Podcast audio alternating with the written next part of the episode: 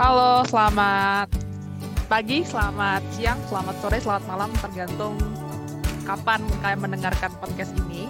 Uh, selamat datang di Sobat Hukum Podcast. Nah, uh, di sesi kali ini kita bakal ngobrolin soal mudik yang lagi banyak diperbincangkan oleh kaum-kaum perantau mungkin ya, karena lagi-lagi nih mudik dilarang nih pemerintah kan mutusin untuk melarang kegiatan mudik lebaran di tahun ini. Nah, jadi uh, kali ini kita bakal ngobrolin bareng sama, ya sama aja sih kayak yang di episode pertama tadi.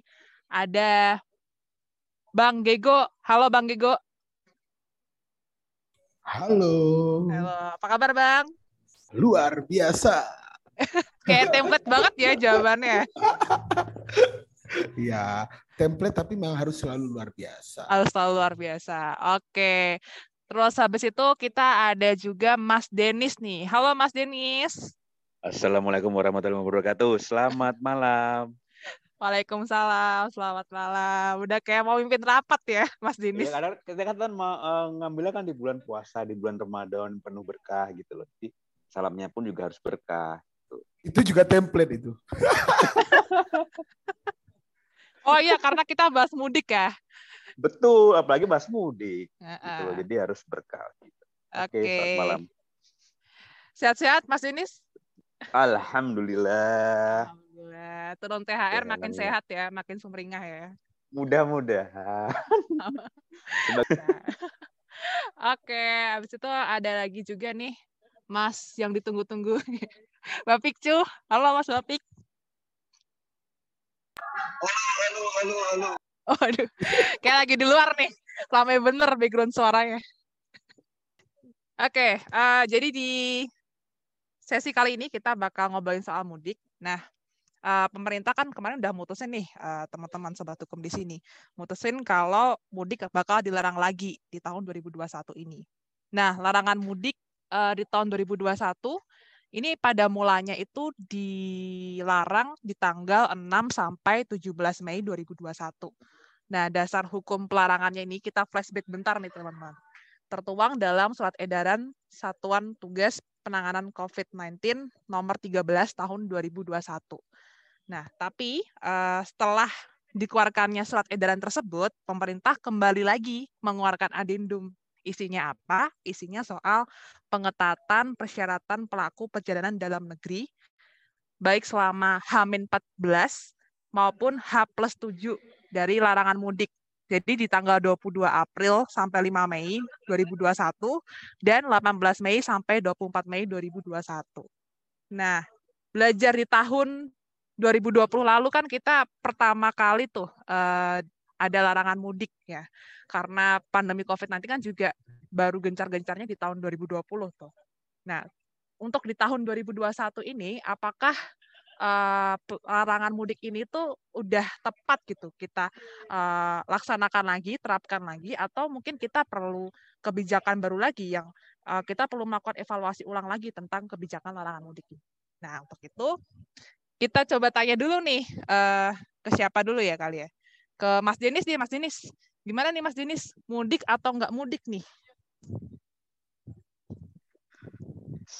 Sebagai uh, karyawan yang baik dan sudah mengikuti protokol selama ini, nampaknya mudik adalah salah satu hadiah bagi semua karyawan yang sudah bekerja dan uh, bagi para pekerja-pekerja juga di luar sana yang mereka sudah merindukan kampung halaman gitu ya. Jadi menurut saya tetap harus mudik, hidup mudik.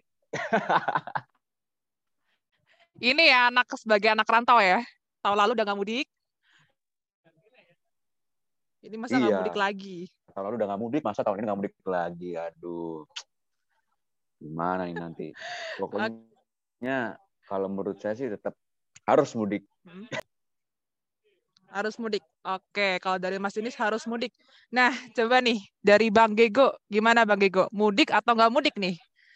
pernyataan Denis yang pertama tuh menggugah perasaan sebagai seorang pegawai yang selama ini taat protokol kesehatan.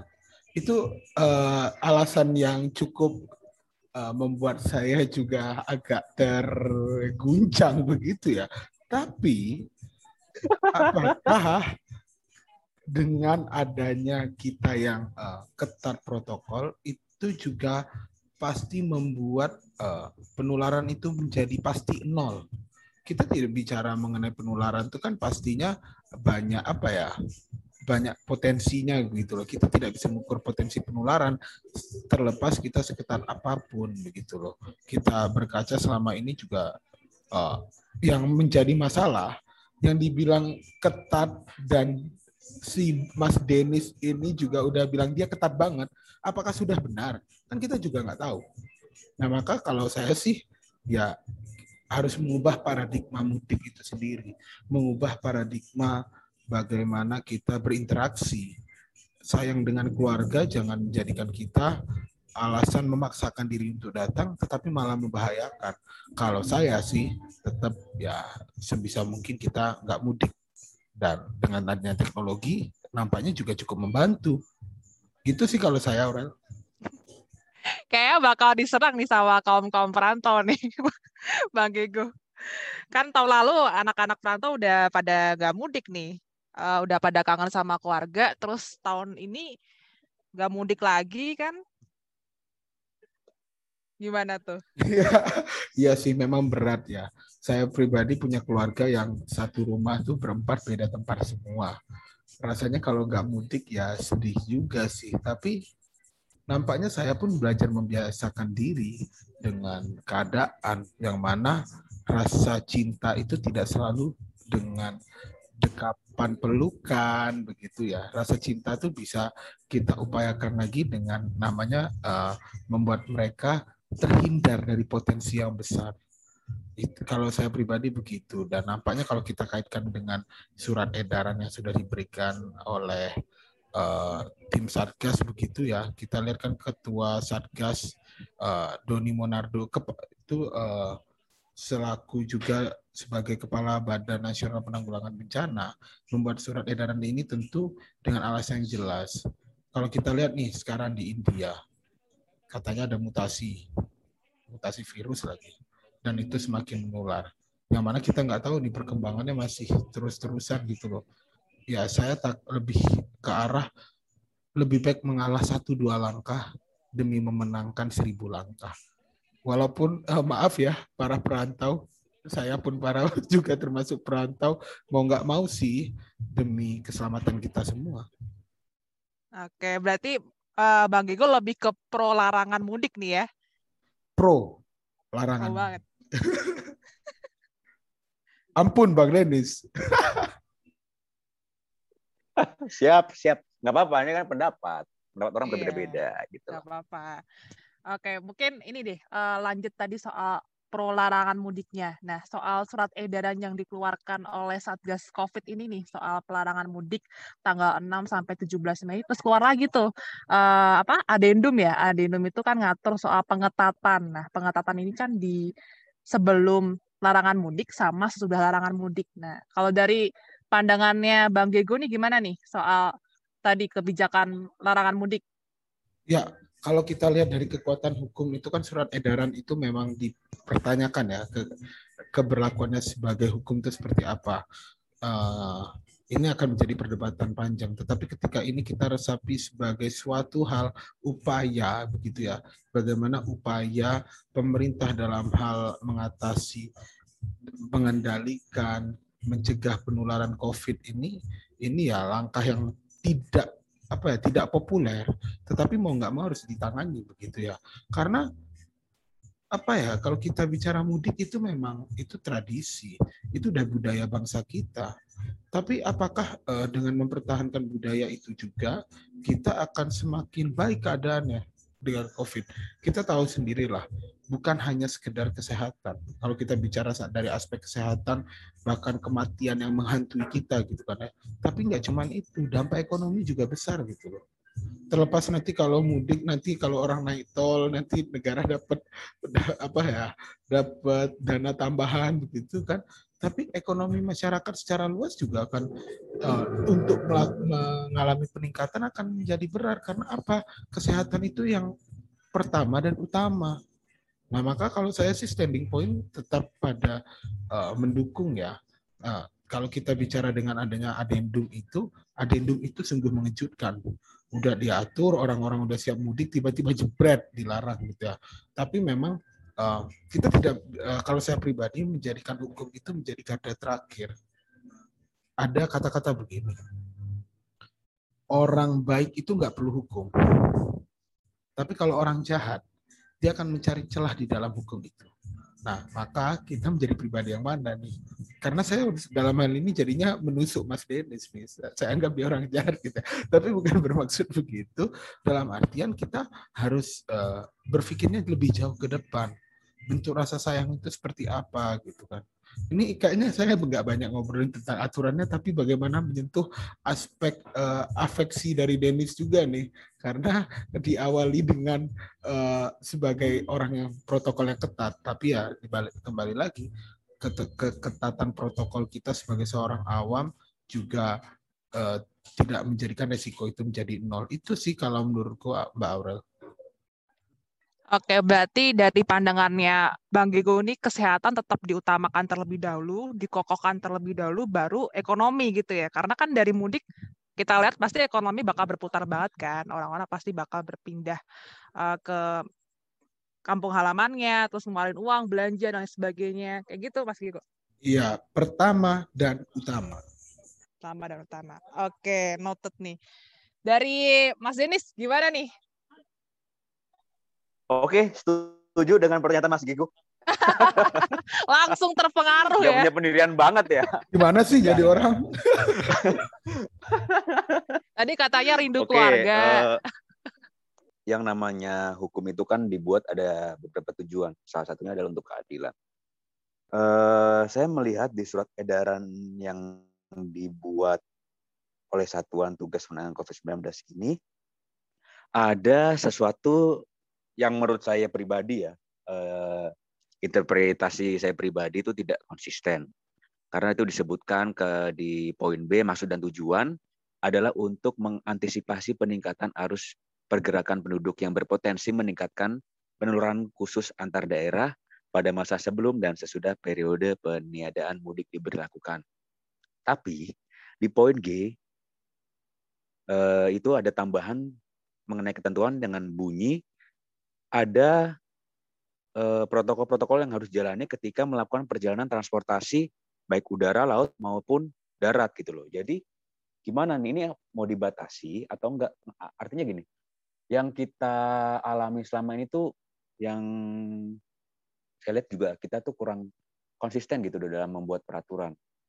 Jadi ada juga pengecualian-pengecualian bagi ASN atau uh, anggota TNI Polri yang memang menjalankan tugas ini menurut saya pribadi itu kurang adil ya. Jadi bisa saja ketika di hari H Lebaran atau di apa itu dibuat ditugaskan biar bisa pulang. Artinya uh, ketika membuat suatu edaran tuh harus atau suatu uh, produk hukum apa pun yang bersifat publik itu tuh harus konsisten.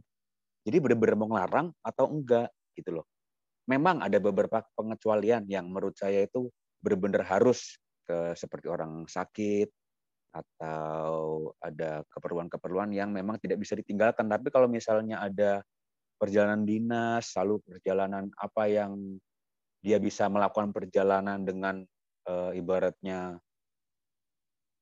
apa suruhan dari atasannya, lalu diberi cap tanda tangan. Nah itu menurut saya nggak adil gitu loh.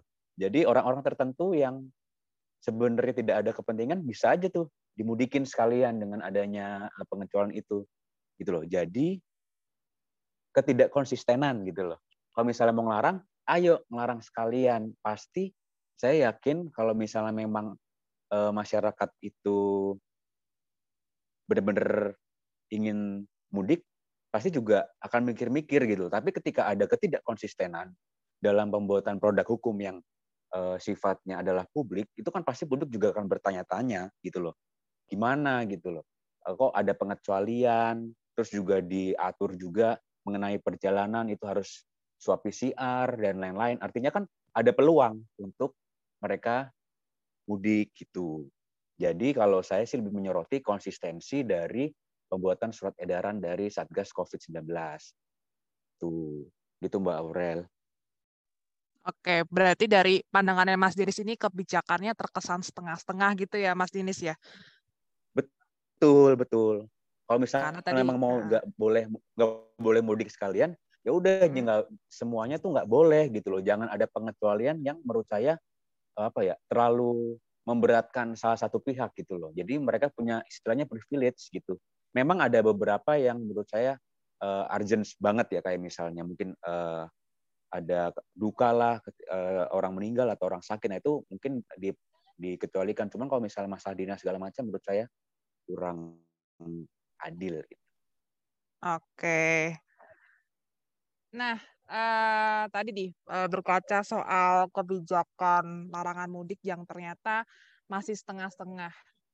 Tadi kan ternyata memang ada beberapa pihak yang diperbolehkan mudik ya, Mas Dinis ya. Diperbolehkan mudik dengan syarat-syarat tertentu. Betul, Mas Dinis? Ya, betul betul. Oke, nah tadi kan eh, ada beberapa eh, larangan mudik yang dikecualikan. Nah, kita ngobrolin soal wisata nih. Nah, eh, walaupun mudik dilarang, tapi kan wisata tetap jalan, wisata tetap dibuka, katanya pemerintah kayak gitu tuh. Nah, gimana nih eh, pandangannya? Tadi kan kita udah bicara soal ada ya pihak yang boleh eh, boleh mudik dengan syarat tertentu dan juga wisata tetap dibuka gitu sama pemerintah. Nah, gimana nih pandangannya dari Bang Gego dulu nih? Aduh, ini cukup berat ya. Heeh. Memang kalau saya berpijaknya itu utamanya pada surat edaran ini ya, konteks mudik. Yang mana dalam hal konteks mudik ini eh, kita melihat adalah mudik sebagai budaya ke eh, dalam eh, agama mayoritas juga begitu perjalanan pulang kamp ke pu- kampung halaman. Maka memang pijakan saya sementara itu di sini mengenai kepariwisataan yang dibuka memang tidak diatur secara khusus mengen- di, di surat edaran ini begitu ya. Maka dalam konteks ini wisata eh, tidak terjangkau begitu kan ya. Tetapi saya pikir ketika pariwisata dibuka tetapi memang perjalanan perjalanan itu dibatasi itu secara tidak langsung juga akan membuat di saat kondisi mudik itu memang kepariwisataan itu tertunda Oke lah, saya saya cukup pahami yang dimaksud Mas Denis tadi. Kalau memang seakan-akan kebijakan ini setengah hati, tetapi eh, setengah hati ini tentu saya pikir nggak lepas dari politik hukum dan juga legalitas mengenai pekerjaan juga ya. Contoh pekerjaan dinas. Memang kalau dimaknai seakan-akan semua itu bisa eh, berbebas diri gitu ya. Tetapi kan kalau kita lihat konteksnya mudik ini dengan surat edaran yang uh, sifat keberlakuan hukumnya itu terkadang dipertanyakan, tetapi kan surat edaran ini mengatur tentang aturan-aturan. Maka memang menurut saya pun mengikat. Tetapi kalau kita lihat dalam hal sedang mudik, kemudian kaitannya dengan uh, apa ya? uh, sebuah perayaan keagamaan, maka ini harusnya fokusnya di sana dan saya pikir juga terlepas cuti itu nanti diperpendek tapi kan semua orang merayakan eh, apa ya beribadah katakanlah begitu. Semua orang beribadah maka memang pembatasan terhadap wisata secara langsung itu juga terjadi. Kemudian pada saat ibadah itu juga kita eh, bisa melihat kesakralan dari ibadah itu sendiri karena tidak terfokus lagi kepada mudiknya atau perjalanan pulang kampungnya. Nah, eh, ketika ada eh, izin atau yang dikatakan setengah hati tadi untuk pelaku perjalanan dinas, saya berharap hukum yang tidak sempurna itu juga di apa ya dijadikan apa ya kita juga belajar untuk dewasa tidak memandang itu sebagai celah tetapi pemerintah juga butuh ruang untuk memberikan legalitas terhadap perjalanan dinas yang tidak bisa ditunda, khususnya untuk aparat, katakanlah begitu TNI, Polri yang juga membantu dalam hal uh, menegakkan uh, aturan-aturan yang ada, mereka bisa jadi harus uh, keluar dari tempatnya. Kalau kita bicara konteks keadilan, kita nggak bisa adil sama rata. misalnya ada privilege tertentu untuk beberapa beberapa orang dengan jabatan tertentu saya pikir itu ya apa ya bukan berarti tidak adil tetapi keadilan itu diletakkan pada porsinya. Katakan presiden dia mau mengurusi sekian banyak orang sekian ratus juta orang tapi dia diperlakukan sama nggak bisa membuka jalan dan lain-lain. Misalkan begitu ya walaupun lepas dari konteks ini. Tapi ya itu terpaksa dilakukan karena memang kaitannya dengan urgensinya. Nah, misal ada TNI Polri yang distribusinya harus diratakan sesuai dengan tempatnya begitu ya. Nah, maka perjalanan dinas itu pun perlu diatur sebagai tambahan terlepas dalam pandangan lain itu dianggap menjadi celah. Nah, saya berharap sih dalam hal uh, apa ya penerapan aturan ini juga tidak lepas dari hakikat pelarangan mudik itu sendiri sehingga tidak dipersalahgunakan dan kita pun menjadi manusia yang sebaik-baiknya manusia. Mungkin gitu sih kalau menurutku Mbak Aurel.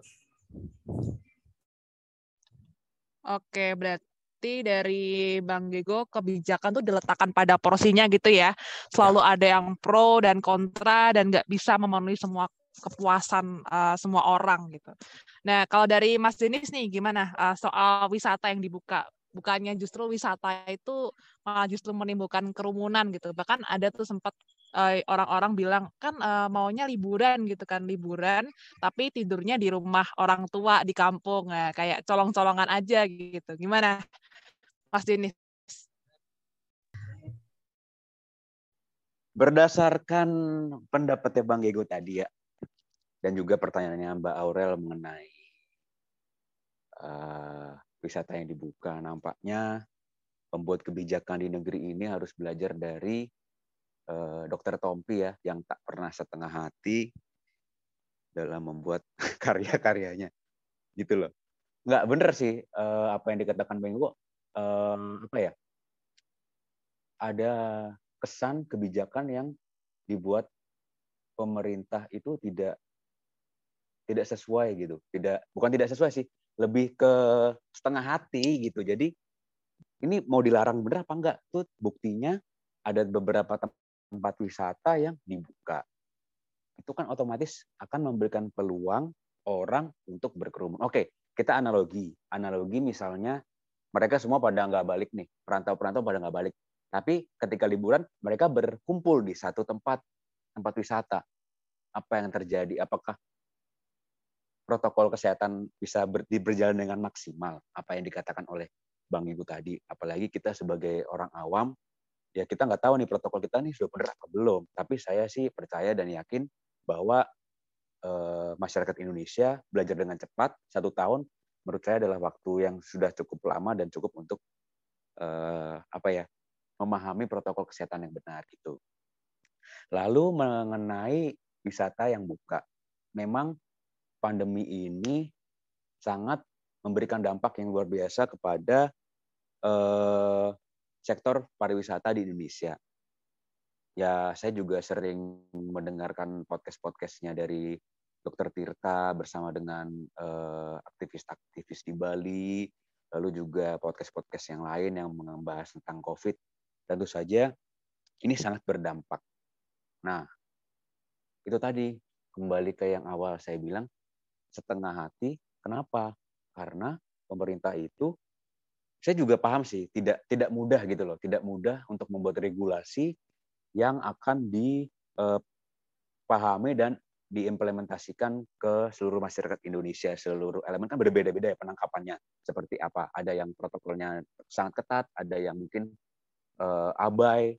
Nah, cuman saya juga mendengarkan memang ketika awal-awal uh, COVID masuk, itu tuh masyarakat Indonesia tuh patuh memakai masker, lalu eh, menjaga jarak, mencuci tangan. Lalu kan dulu juga ada hashtag stay at home atau apalah untuk kita uh, stay di rumah aja. Itu awal-awal tuh masyarakat itu uh, patuh. Tapi setelah itu, setelah tiga bulan, enam bulan, itu tuh mereka bingung. Kalau misalnya dari rumah aja, ngapain, harus gimana? Nah itu yang menurut saya ketidakkonsistenan atau uh, kesetengah-hatian dari pembuat kebijakan ya itu tidak mengatur mereka-mereka yang uh, apa namanya terdampak gitu loh. Mungkin ada beberapa kebijakan dari Pak Presiden kita kemarin itu mengeluarkan bantuan-bantuan seperti BLT, lalu untuk karyawan-karyawan yang pendapatannya kurang dari 4 eh, juta atau 5 juta itu juga dapat, lalu ada juga kebijakan-kebijakan mengenai ya bantuan langsung lah. Tapi kan itu kan hanya apa ya sebagai um, pemberi, memberi memberi income kepada mereka. Tapi ketika income itu masuk kan artinya itu harus langsung harapan dari pemerintah itu mereka memberikan BLT untuk memperbaiki roda ekonomi. Nah, cuman di sini dari kebijakan itu aja udah apa ya mengimplementasinya kan mengimplementasinya itu juga masih susah. Jadi kenapa saya tadi di awal bilang setengah hati? Jadi pemerintah itu hanya melihat dari sisi apa ya sisi yang lebih lebih mudah untuk di gimana ya aku ngomongnya ya pemerintah itu cari cuma cari apa ya ibaratnya kalau yang aku aku aku rasain kita ini yang sudah menjalankan protokol sudah dapat vaksin pula itu tuh kita jadi eh,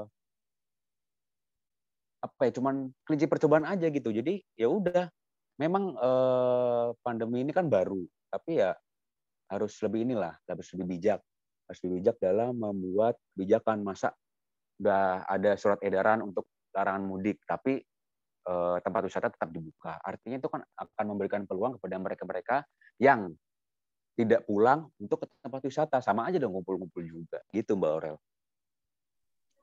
Nah, berarti emang gitu. Jadi orang-orang yang nggak mudik, solusinya adalah berwisata, Mas Denis.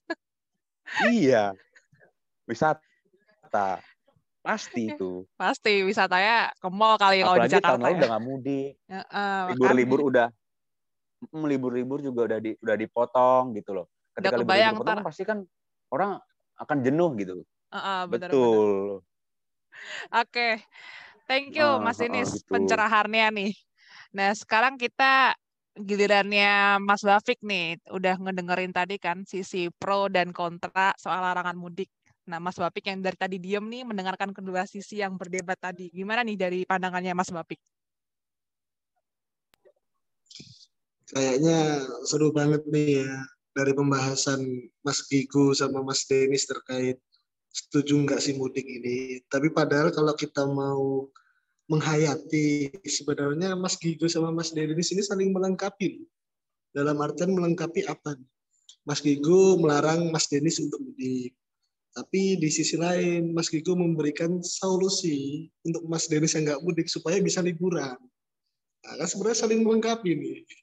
Nah, menarik sebenarnya, tapi tetap kita lihat tujuan dari hukum itu adalah untuk keadilan. Keadilan kan untuk setiap keadilan berbeda-beda tidak bisa keadilan semua kita samakan. Harus kita ambil dari sisi positifnya. Dari sisi positifnya Mas Gigo, larangan mudik dipergunakan untuk meminimalisir COVID ini. Terutama lebih penting memberikan kesehatan atau mempunyai kesehatan yang kuat daripada memiliki struktur ekonomi yang kuat. Kalau dari Mas Denis, saya melihatnya sih lebih dari sisi humanis humanisnya ke sesamanya masa iya dua dua kali mudik ini nggak pulang kan seperti itu tapi tetap kita lihat apakah dengan pencegahan mudik ini itu bisa memberikan uh, seperti imun lah untuk para yang nggak mudik ini untuk menyelesaikan permasalahan COVID. Menurut aku sih gitu sih Mbak Aurel. Jadi saling melengkapi lah mereka berdua. Yang satu nggak mudik tapi boleh berekreasi. Begitu. Oke, keren nih Mas Bapik nih. Berarti hukum tuh apa ya buatnya kayak uh, emang harus banyak aspek sih yang harus kita pertimbangkan dan ada aspek lah yang harus kita prioritaskan dan ada aspek yang setelah-setelah itulah baru kita pikirkan. Nah, karena kita udah masuk ke menit ke berapa nih ya udah 30 menit lebih nih kayaknya udah kepanjangan. Kita closing deh. Nah, closingnya tebak-tebakan aja nih. Kira-kira 2022 nanti mudik bakal masih dilarang nggak ya? Coba aku pengen denger pendapatnya satu-satu nih dari Mas Denis dulu. Oke, Mbak Aurel, terima kasih. Uh, Jadi cenayang uh, dulu nih. Aduh, gimana ya? pada dasarnya ya, pada dasarnya saya sebagai warga negara Indonesia yang baik, saya tuh mendukung apa pun kebijakan pemerintah. Tapi janganlah membuat kebijakan yang setengah hati, jangan membuat kebijakan yang membuat masyarakatnya tuh bingung.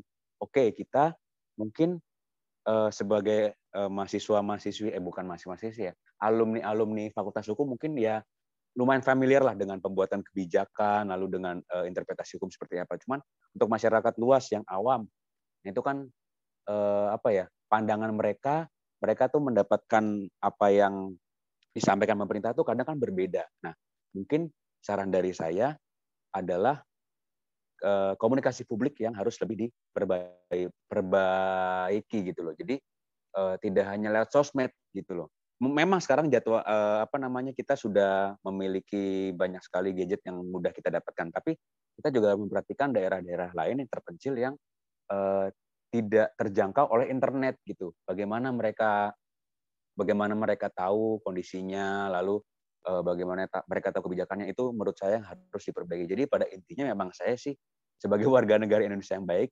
saya mendukung supaya memang udah nggak tahan lah. Maksudnya kita semua merasakanlah pan, uh, efek pandemi ini. Saya pengen pandemi ini berakhir. Tahun 2022, prediksi saya seperti yang dikatakan Pak Jokowi, kita harus optimis. Prediksi saya 2022 Indonesia sudah lebih baik dan eh, pandemi sudah bisa terkendali. Insya Allah kita bisa mudik di tahun depan.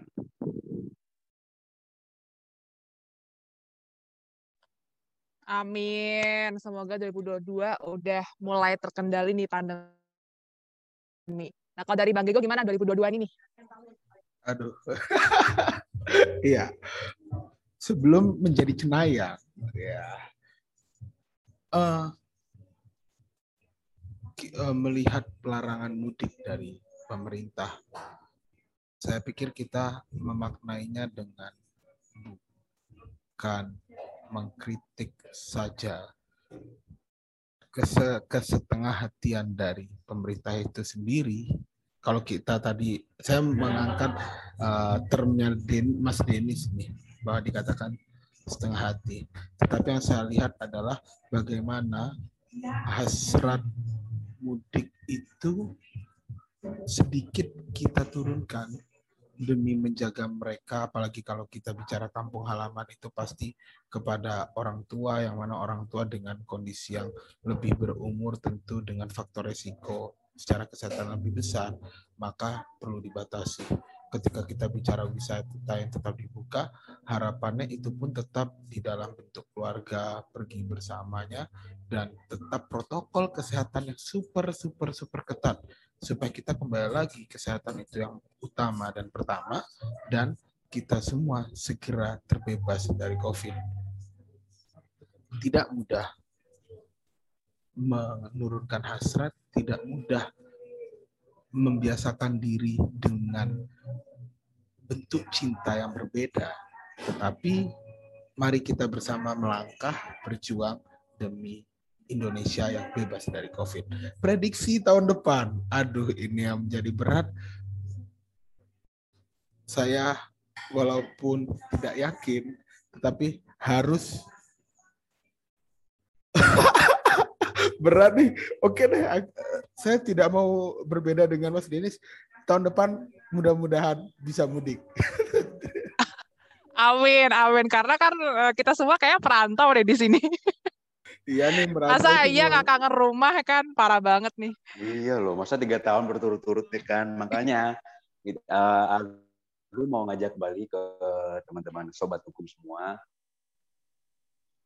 Kita menjaga protokol kesehatan, dan kita sabarlah dengan kebijakan pemerintah yang walaupun setengah hati ini saya mengajak teman-teman semua untuk sabar dan terus tetap menjaga protokol kesehatan di mana pun kita berada. Dan kita berempat bisa kumpul. Amin. iya, nih, iya nih. By the way, ini dari dari awal tag kita belum pernah kumpul loh berempat nih. Iya sama Bener, sekali ya. Virtual terus. Virtual mulu ketemunya. Bosen kan pasti. Oke, dari Mas Bapik Ya, gimana nih Mas prediksi tahun depan? Prediksi tahun depan mudik gak mudik kita semua yang nentuin. kita harus bisa saling menjaga prokes, harus bisa saling mendukung supaya kita bisa memilih jalan kita masing-masing. Untuk mudik tahun depan, untuk orang yang perlu mudik pasti dia akan mudik. Untuk orang yang nggak mudik pasti dia akan mudik juga karena pada lain ikut-ikutan. Yang jelas kita tetap menjaga prokes, kita saling mendukung program satu sama lain supaya kita bisa mengambil manfaat untuk diri kita sendiri. Gue bijak banget nih Mas Bapik. Udah kayak golden waste. Oke, okay, thank you buat Bang Gego, Mas Denis, Mas Bapik atas pencerahannya malam hari ini nih. Buat kesimpulannya silahkan sobat hukum di sini diambil kesimpulannya sendiri. Yang nggak mau mudik ya udah di rumah aja kecil nonton Netflix, drakor atau bersih-bersih rumah gitu kan. Atau kalau yang mau jalan-jalan deket-deket rumah kan bisa tuh jalan-jalan wisata ke mall gitu. Tapi juga tetap sesuai sama protokol kesehatan. Thank you semuanya. Thank you. Sampai jumpa lagi di Sobat Hukum Podcast. Bye. Ya. Ya. Uh, makasih Sobat Hukum.